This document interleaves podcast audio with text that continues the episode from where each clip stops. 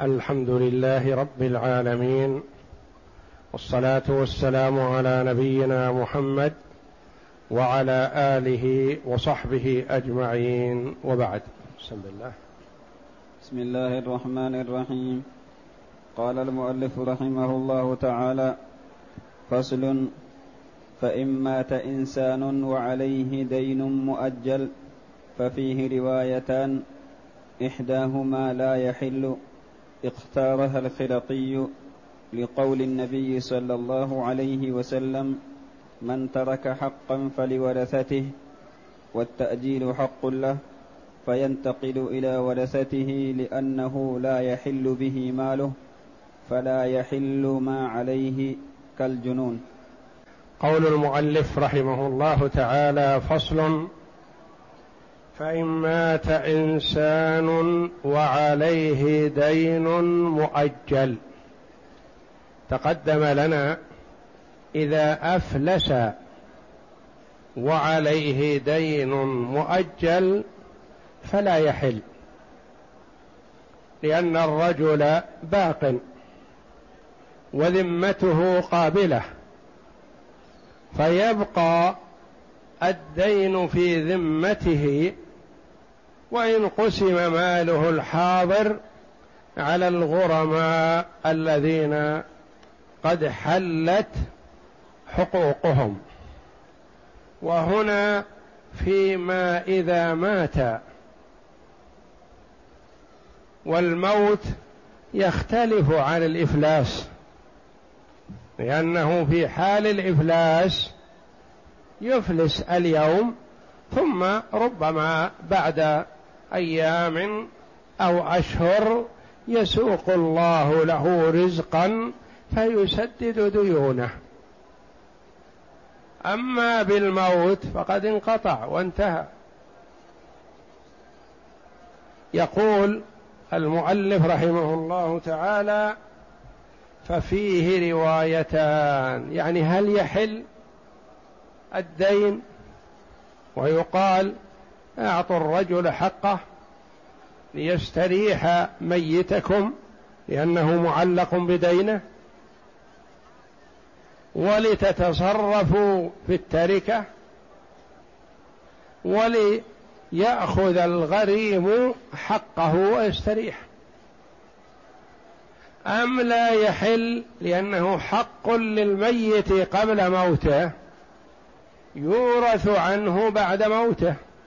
فهو حق له يورث عنه.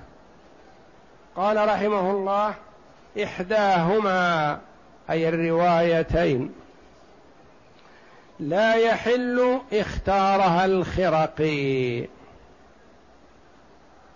مؤلف المختصر المعروف الذي عليه المغني فالمغني بمثابة الشرح لمختصر الخرقي رحمهم الله.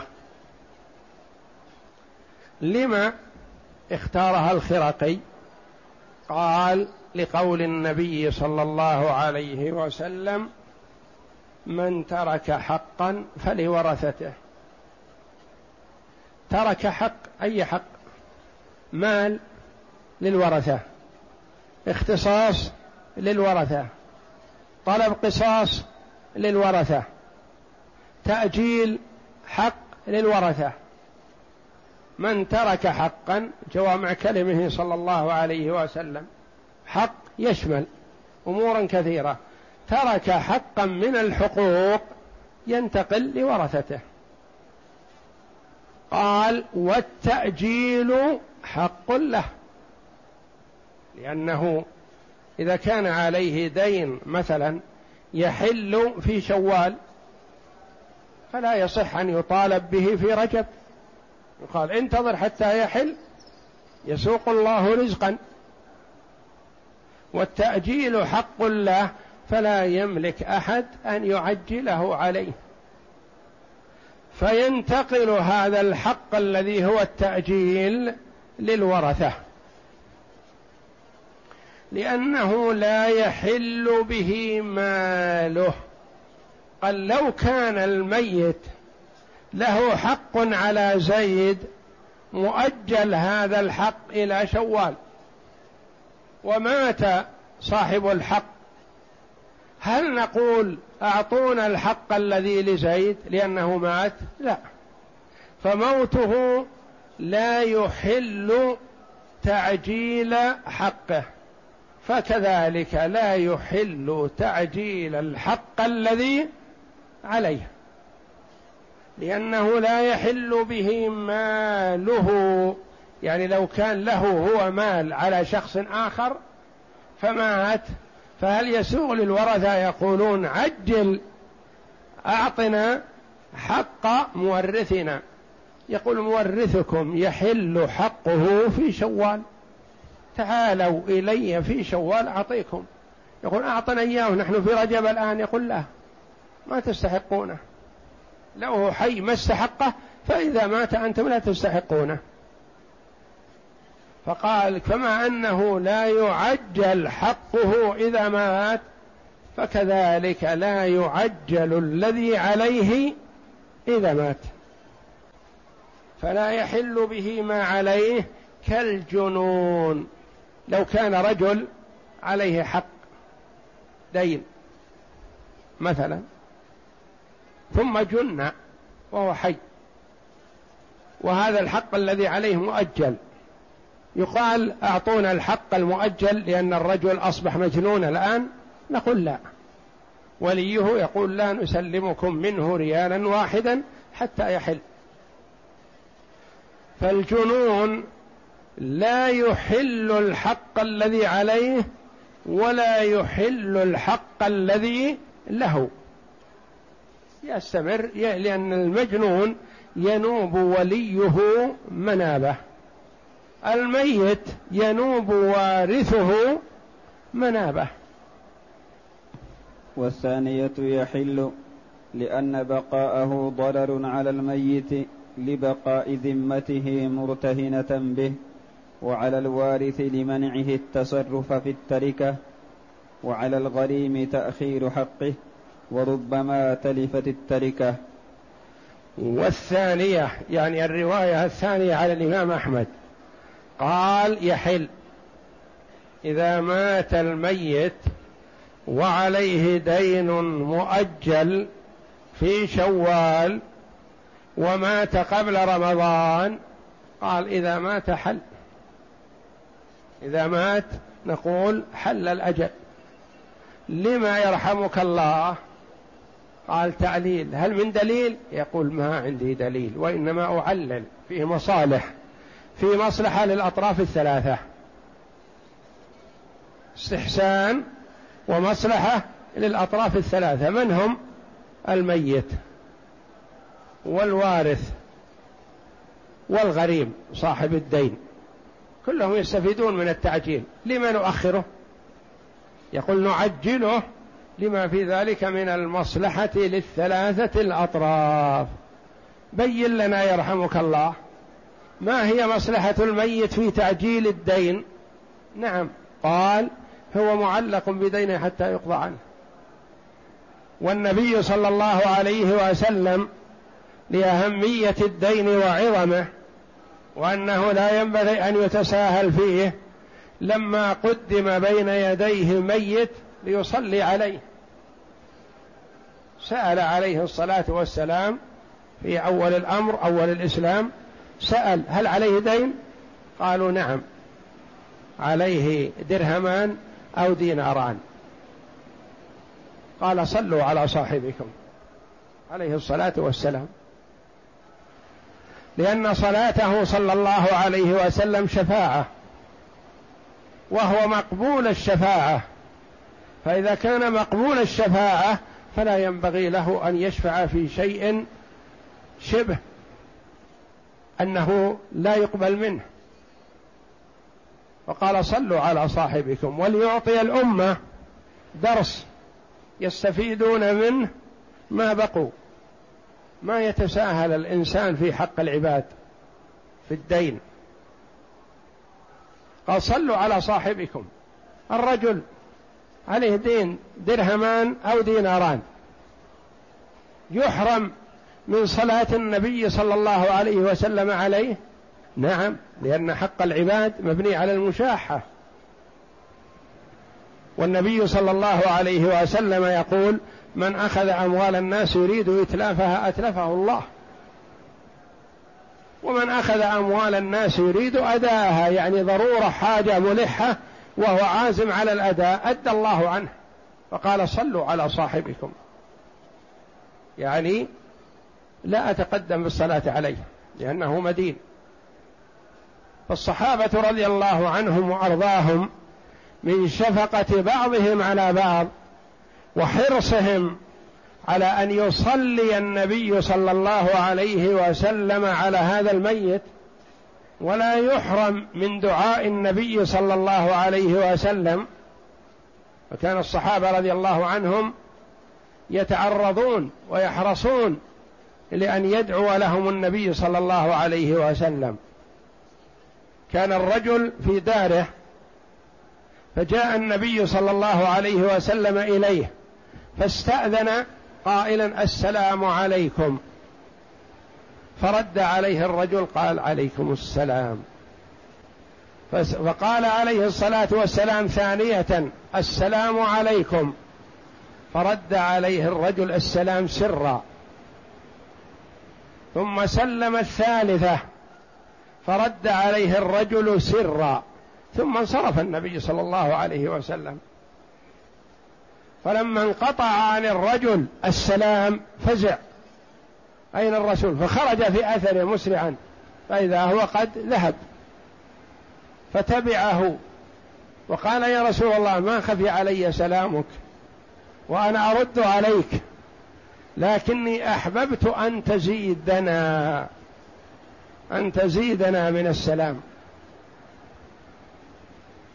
فبين صلى الله عليه وسلم أن الرجل إذا سلم ثلاثا فلم يؤذن له فينصرف. لا ينبغي له أن يلح ولا أن يحرج صاحبه أو يقف بالباب أو يجلس من كالحارس على الباب ونحو ذلك. إذا استأذن فلم يؤذن له ينصرف. فهذا الصحابي يرد على النبي صلى الله عليه وسلم سرا ويرغب منه أن يزيد. والآخر رضي الله عنهم سمع النبي صلى الله عليه وسلم وهو يصلي على الجنازة يقول اللهم اغفر له وارحمه وعافه واعف عنه وأكرم نزله إلى آخر الدعاء. فيقول حتى تمنيت أن أكون أنا هو. تمنى أن يكون هو الميت ليحظى بدعوة النبي صلى الله عليه وسلم. فهذا الرجل لما تأخر النبي عليه الصلاة والسلام عن الصلاة على صاحب الدين الذي عليه دين قال يا رسول الله ما علي؟ يعني لا تحرم أخي هذا من صلاتك وهو أخوه في الإسلام ما ما هو ليس بأخيه في النسب الديناران أو الدرهمان علي. فتقدم صلى الله عليه وسلم وصلى. ثم قابله فقال ما فعل الديناران أو الدرهمان؟ قال إلى الآن ما سددهما. ثم قابلهما ثاني قابله ثانية فسأله هل سددت؟ أعطيت الحق صاحبه؟ قال نعم. قال الآن بردت عليه جلدته أو الآن بردت عليه جلدته. وقال عليه الصلاة والسلام المرء مرتهن بدينه حتى يقضى عنه. فيقول الإمام أحمد رحمه الله في الرواية الثانية يعجل سداد الدين. لما يرحمك الله؟ قال لأجل براءة ذمة الميت. هذا مرغوب فيه. فلذا يستحب بل يتعين على البار بمورثه وغيره أنه بعد الوفاة مباشرة يسارع في سداد الدين حتى لو لم تصفى التركة. وسواء كان الدين لله تبارك وتعالى كالزكاة مثلا والكفارات والنذور أو للدولة كقرض من القروض مثلا أو للأفراد لأي فرد من أفراد المسلمين. فمن حق الميت على الوارث أن يبادر بسداد دينه.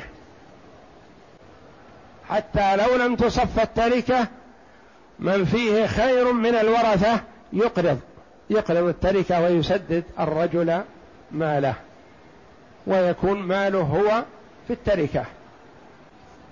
هذه فائدة في تعجيل الدين وهي براءة ذمة الميت. وفيه مصلحة للوارث. لأن الوارث إذا ورث من مورثه أموال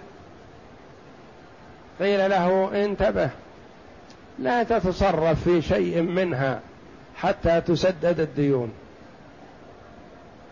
دين مثلا يحل في محرم القادم. يقال للورثة انتبهوا. لا تتصرفوا بشيء من التركة حتى تسدد الديون. إلى متى؟ نصبر إلى محرم؟ اصبروا إلى محرم وما بعد محرم. حتى تسدد الديون.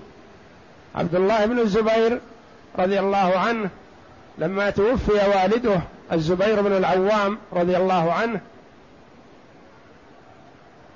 كان عليه حقوق للناس كثيرة لأنه يتقبل الأمانات للناس. من كان عنده شيء ثمين جاء إلى الزبير ليودعه إياه.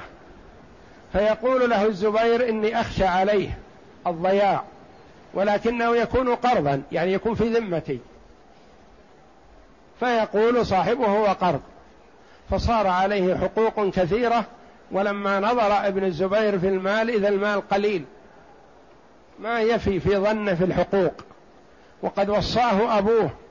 قال له إذا انتبه لديني يا, يا ولدي انتبه لديني. وإن شق عليك شيء أو وقعت في ضيق فقل فاستعن بمولاي. يقوله الزبير لابنه عبد الله. استعن بمولاي. يقول ما كنت أتصور إن أبي له مولى لأن أبي الزبير بن العوام من قريش. من سادات العرب. فما كنت أتوقع أن لأبي سيد يعني مولى معتق. فقلت له يا أبي ومن مولاك؟ قال مولاي الله. يقول عبد الله بن الزبير فما وقعت في ضيق أو شدة إلا قلت يا مولى الزبير اقض دينه. فيتيسر ويقضى الدين بإذن الله. الإيمان العميق من الوالد والولد والتوجه إلى الله جل وعلا والاعتماد عليه ييسر لهما أمورهم. ومن يتق الله يجعل له مخرجا. فيسر الله سداد الدين كله. جاء أولاد الزبير وهم كثر ومن زوجات شتى ومتنافرون حتى بعضهم مخاصم لبعض. يقولون لعبد الله اقسم بيننا قال والله لا أقسم بينكم حتى يمر علي أربع سنين. أنادي في الموسم من له على الزبير شيء فيحضر. يقول أربع سنين كفيلة لأن المسلم غالبا ما يتأخر عن الحج أربع سنين.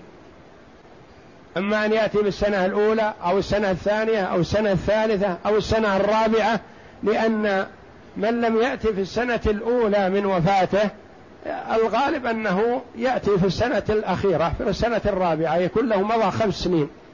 ما حج ما يتأخر. حتى ينادي في الموسم من له حق على الزبير فليحضر حتى أسدد حق دين أبي كله.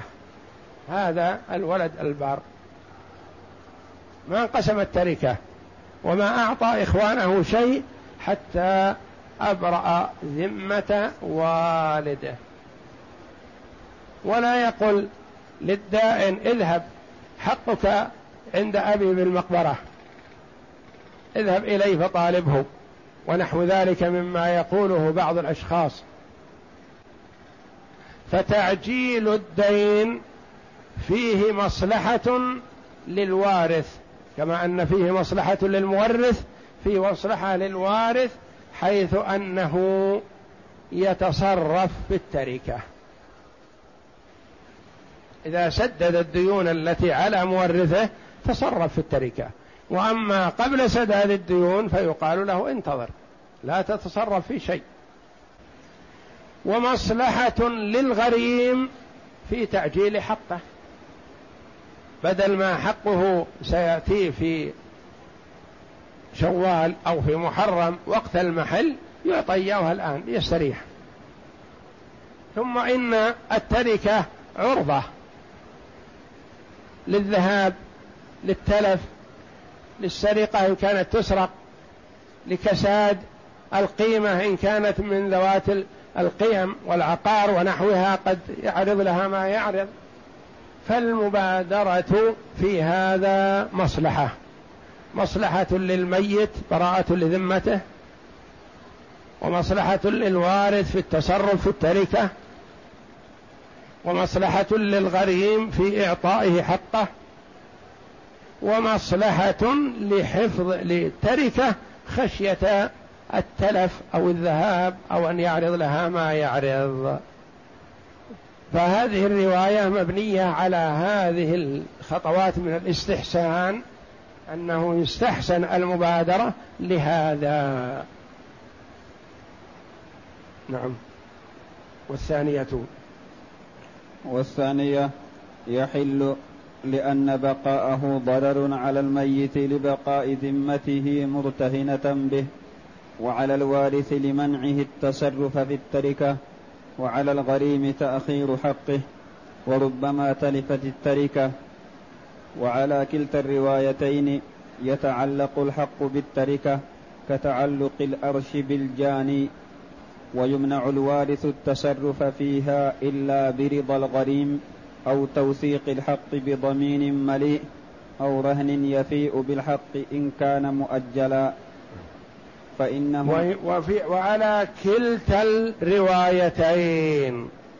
رواية التي تقول لا يحل المؤجل والرواية الأخرى التي تقول يحل المؤجل يتعلق الحق بالتركة. فرق بين تعلق الحق بالتركة وتعلق الحق بالذمة.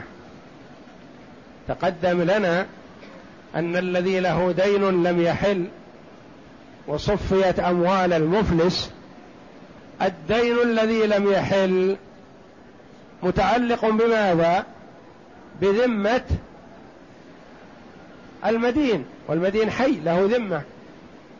وبما إنه أفلس الآن ثم سددت بعض الحقوق التي عليه وصفيت تركه تركته وأطلق سراحه. رفع الحجر عنه فبدأ يتصرف يبيع ويشتري فيسوق الله له رزق. فلا يقال إن الدين يذهب. الذي لم يحل ما يبقى له شيء يأخذه لا. ذمة الرجل موجودة. وصالحة وعامرة وممكن يسوق الله له صفقة تجارية يربح فيها ما يسدد به جميع ديونه. أما في هذه الحال حال الموت ما في ذمة انتهت. فالحق يتعلق بماذا؟ بالتركة.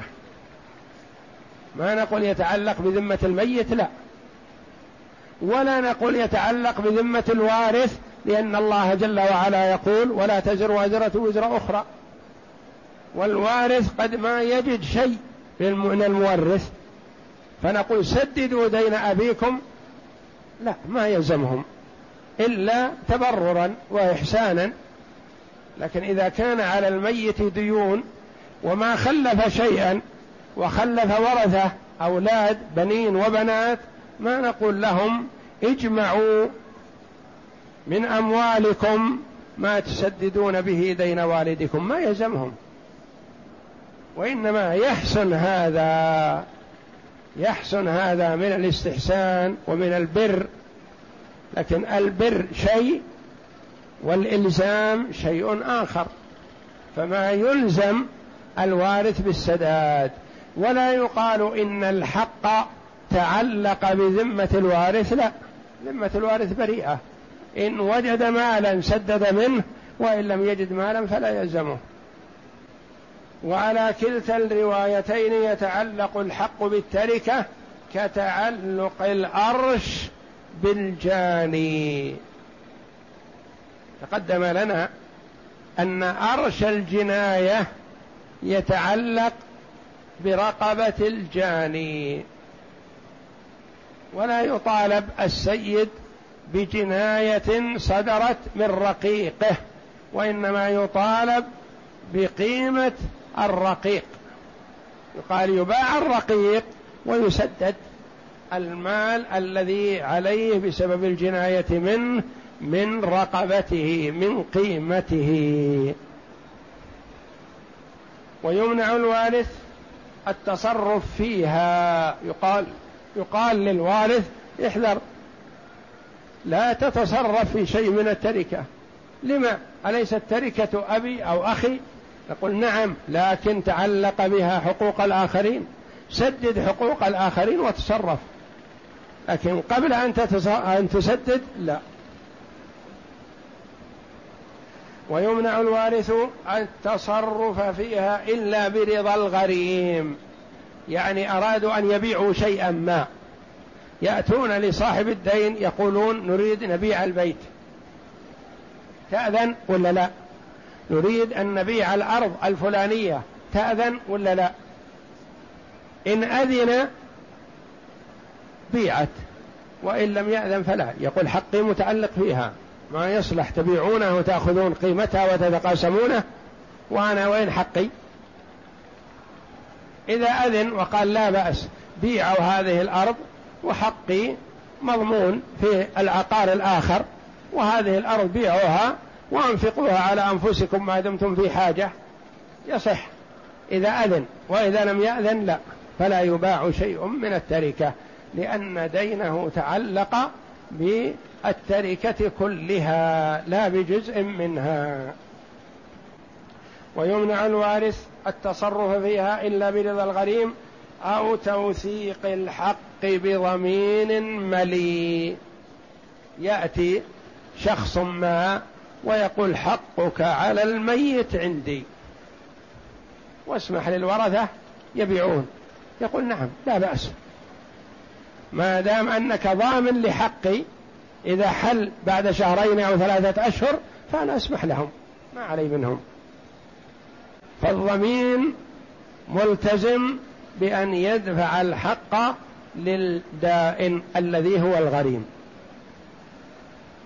أو توثيق الحق بضمين ملي أو رهن يفي بالحق إن كان مؤجلا. يقولون مورثنا خلف أموالا عقار وأنت لك حق. نريد أن نبيع أموال مورثنا بعضها. فيقول لا. تبيعونها وتتقاسمونها. من يسددني ديني؟ أنت يا فلان تضمنه أنت يا فلان تضمنه. يقول لا. إذا ما أرضى. يقولون هناك ما يؤكد ويثبت وصول حقك إليك. لا ضمين وإنما نجعل هذه الأرض رهنا بيدك حتى تستلم حقك. نجعلها رهن بيدك. ننظر الدين ألف ريال. الأرض إذا عرضت في السوق ما تساوي إلا ثمانمائة ريال. يقول لا ما أرضى. أعطوني شيء يفي بحقي. إذا بعنا الأرض بثمانمائة ريال وأعطيتوني إياه وبقي لي من يسددني الباقي؟ لا. قالوا إذا نعطيك هذه الأرض تساوي ألف وخمسمائة ريال. تكون رهنا معك. يقول لا بأس. بيعت هذه الأرض ماذا يأخذ الغريم؟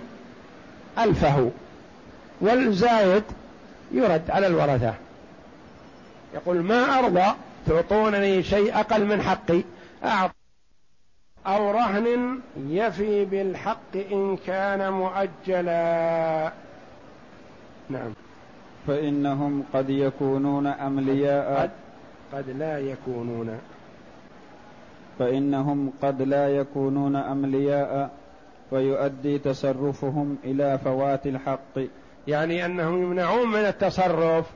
لأنهم قد لا يكونون أملياء أو أم أملياء يكونون ما عندهم شيء وفقراء أو مثلا صغار أو أيتام أو نحو ذلك. يقال لا ما يتصرفون. حتى يسددوا الحق لأنهم قد يبيعون ويتقاسمون وينفقون ما تقاسموه على أنفسهم. فإذا حل الدين في شوال أو في محرم ما وجدنا شيء. وين التركة التي بعتم؟ أكلناها أنفقناها على أنفسنا ما بقي شيء. يضيع حقه. قد لا يكونون أملياء والملاءة وصف. قد يكون الرجل عنده دراهم لكن ليس ملي فقد يكون الرجل مثلا ملي يعني إذا طالبته بحقك أعطاك إياه. هذا هو الملي. لكن آخر طالبته بحقك عنده مال وعنده عقار لكن ليس مرن ولا يدفع الحق إلا بتعب ومطالبة وشدة وحبس ونحو ذلك. هذا يعتبر ملي لا ليس بملي ولو كان عنده مال. إذا كان الحق عند سلطان مثلا ما تستطيع تطالبه ولا تستطيع أن تأخذ حقك منه هذا يعتبر غير ملي إذا كان الحق مثلا أحالك على أبيك والنبي صلى الله عليه وسلم يقول من أحيل على مليء فليحتل. فأحالك على أبيك وأبوك عنده أموال. غني. ما يلزمك أن تقبل لأن أباك ليس بملي بالنسبة لك. لأنك ما تستطيع أن تلزم أباك بسداد الحق الذي عليه ولا تستطيع أن تطالبه. تقول أحلني على زيد أو عمرو ممكن لكن تحيلني على أبي لا. أبي أجله وأحترمه ولا أطالبه. وقد أستحي من طلب الحق منه فيذهب حقي. فقد فالملاءة تختلف من شخص لشخص. فإنهم قد لا يكونون أملياء فيؤدي تصرفهم إلى فوات الحق. يبيعون التركة ويتقاسمونها وينفقون على أنفسهم فيفوت حق الدائن. نعم. فإن تصرفوا. فإن تصرفوا قبل ذلك صح تصرفهم كتصرف السيد في الجاني ويلزمهم أقل الأمرين من قضاء الدين أو قيمة التركة لأنه لا يلزمهم أكثر من وفاء الدين ولا أكثر من التركة. ولهذا, ولهذا لو كانت باقية لم يلزمهم أكثر من تسليمها فإن تصرفوا قبل ذلك تصرف الورثة في التركة ولم يسددوا الدين ولم يوجدوا ضمين ولم يعطوا رهنا فما حكم تصرفهم؟ نقول تصرفهم صحيح. تصرفهم صحيح لأنه مالهم. لأن هذا المال مالهم فتصرفهم صحيح لكن نلزمهم. نلزمهم كأنهم أصبحوا هم المدينون. نلزمهم بالسداد. السداد قد يكون أكثر من التركة. بماذا نلزمهم؟ أحيانا تكون التركة مثلا ثمانمائة والدين ألف. أو تكون التركة ألف والدين ثمانمائة. ما الذي يلزم الوارث؟ قال يلزم الوارث الأقل من الدين أو التركة. القليل منهما هو الذي يلزمه. يقول أبي مثلا صفت تركته ثمانمائة وعليه دين ألف. هل صاحب الدين يقول يلزمكم تسلمونني ألف؟ يقول لا ما يلزمنا نسلمك إلا ما وجدنا.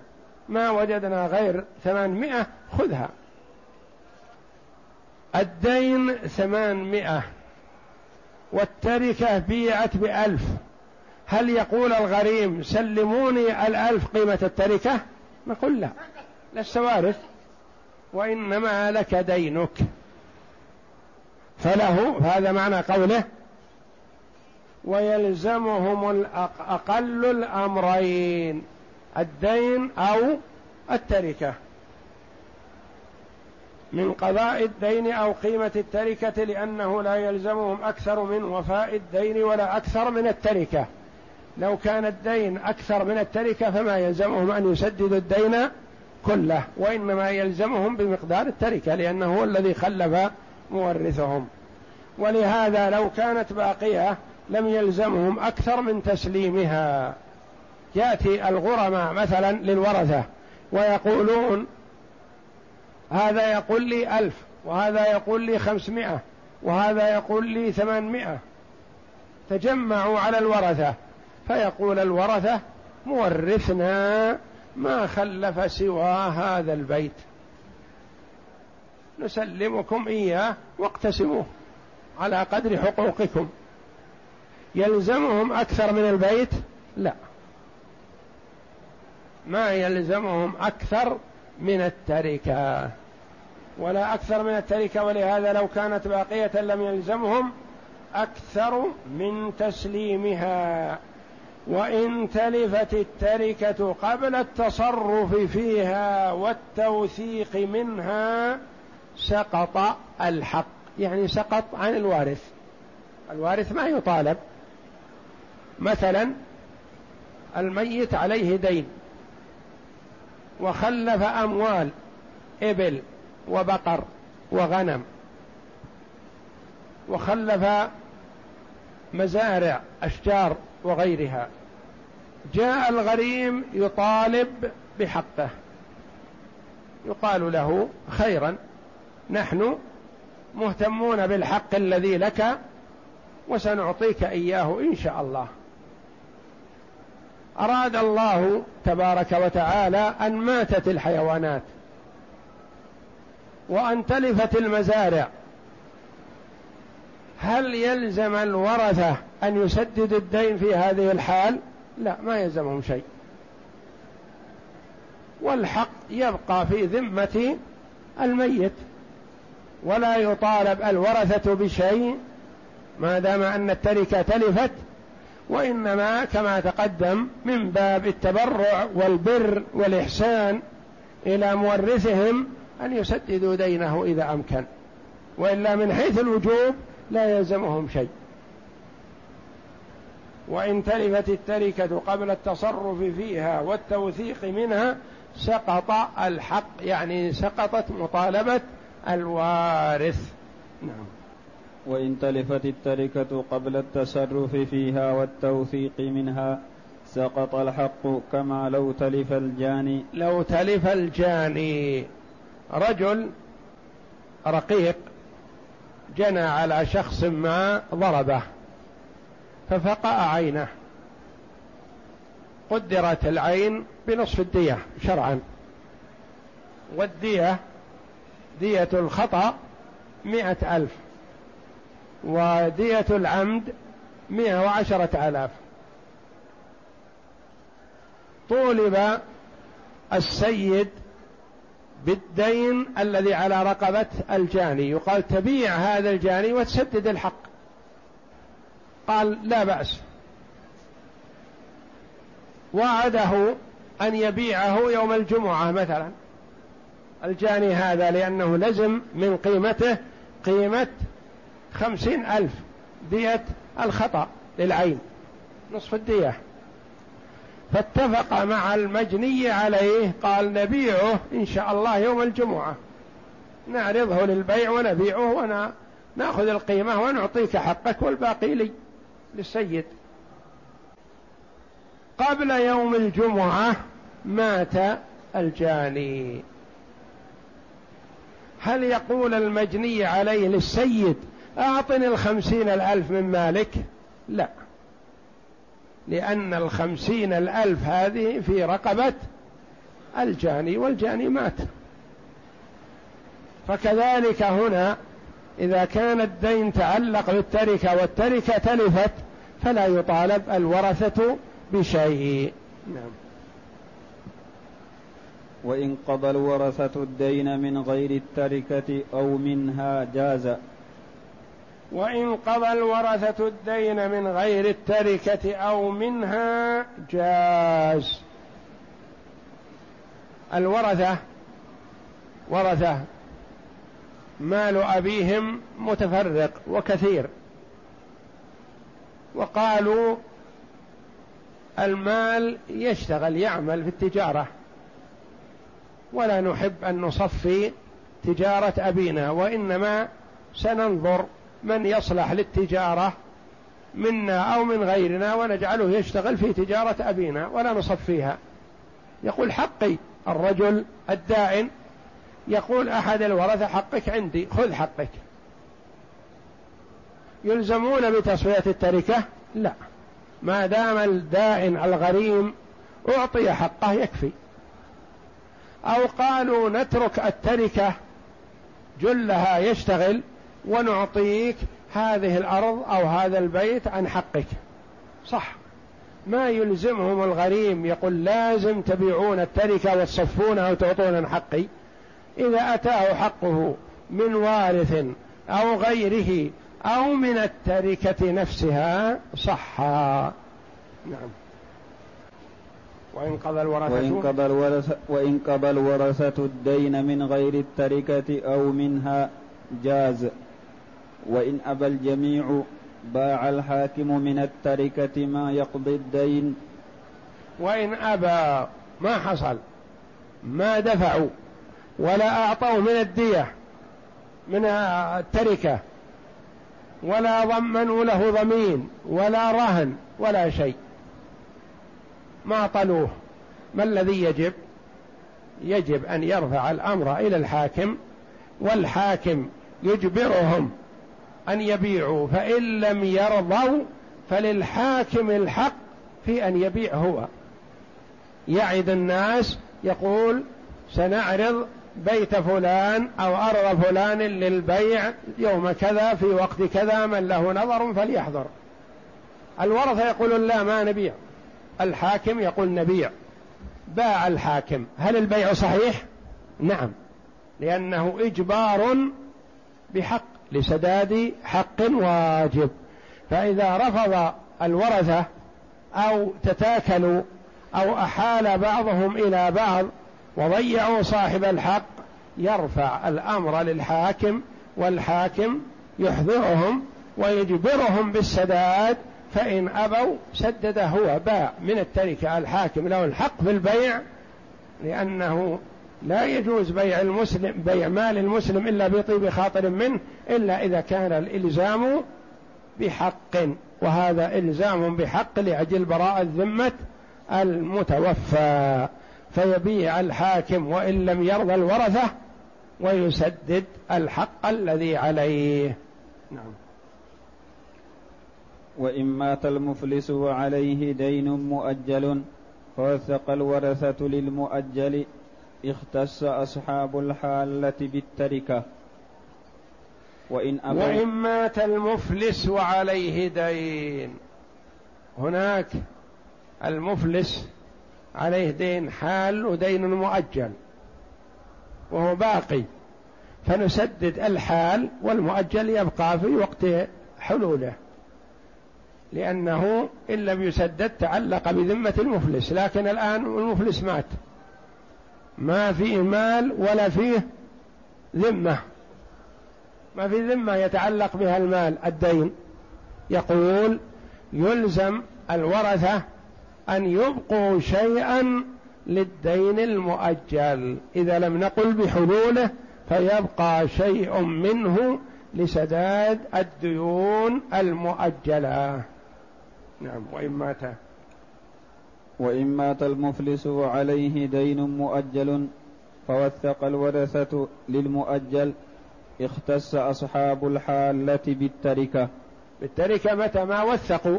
إذا التزم شخص بأنه إذا حل الدين يسدد. نعم.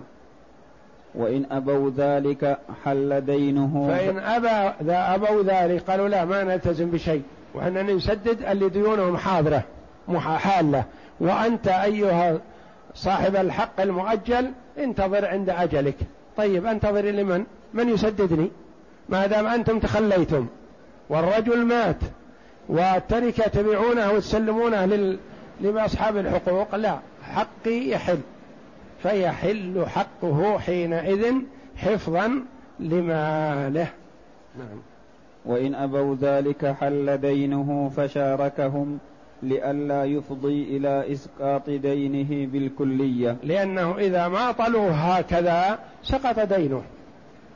إذا قالوا له مثلا ما نوثق ولا نعطيك كفيل ولا رهن وسنبيع التركة ونسدد أصحاب الحقوق الحالة وأنت رزقك على الله.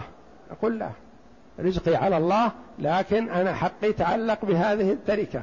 ما تفوت ما أتركها تفوت وأنا يضيع حقي لأن لو كان الرجل حي قلت نعم يسددني إن شاء الله. لكن الرجل مات وأنتم ما التزمتم فيلزم أن يحل حقي حتى لا يضيع. والله أعلم وصلى الله وسلم وبارك على عبده ورسول نبينا محمد وعلى آله وصحبه أجمعين.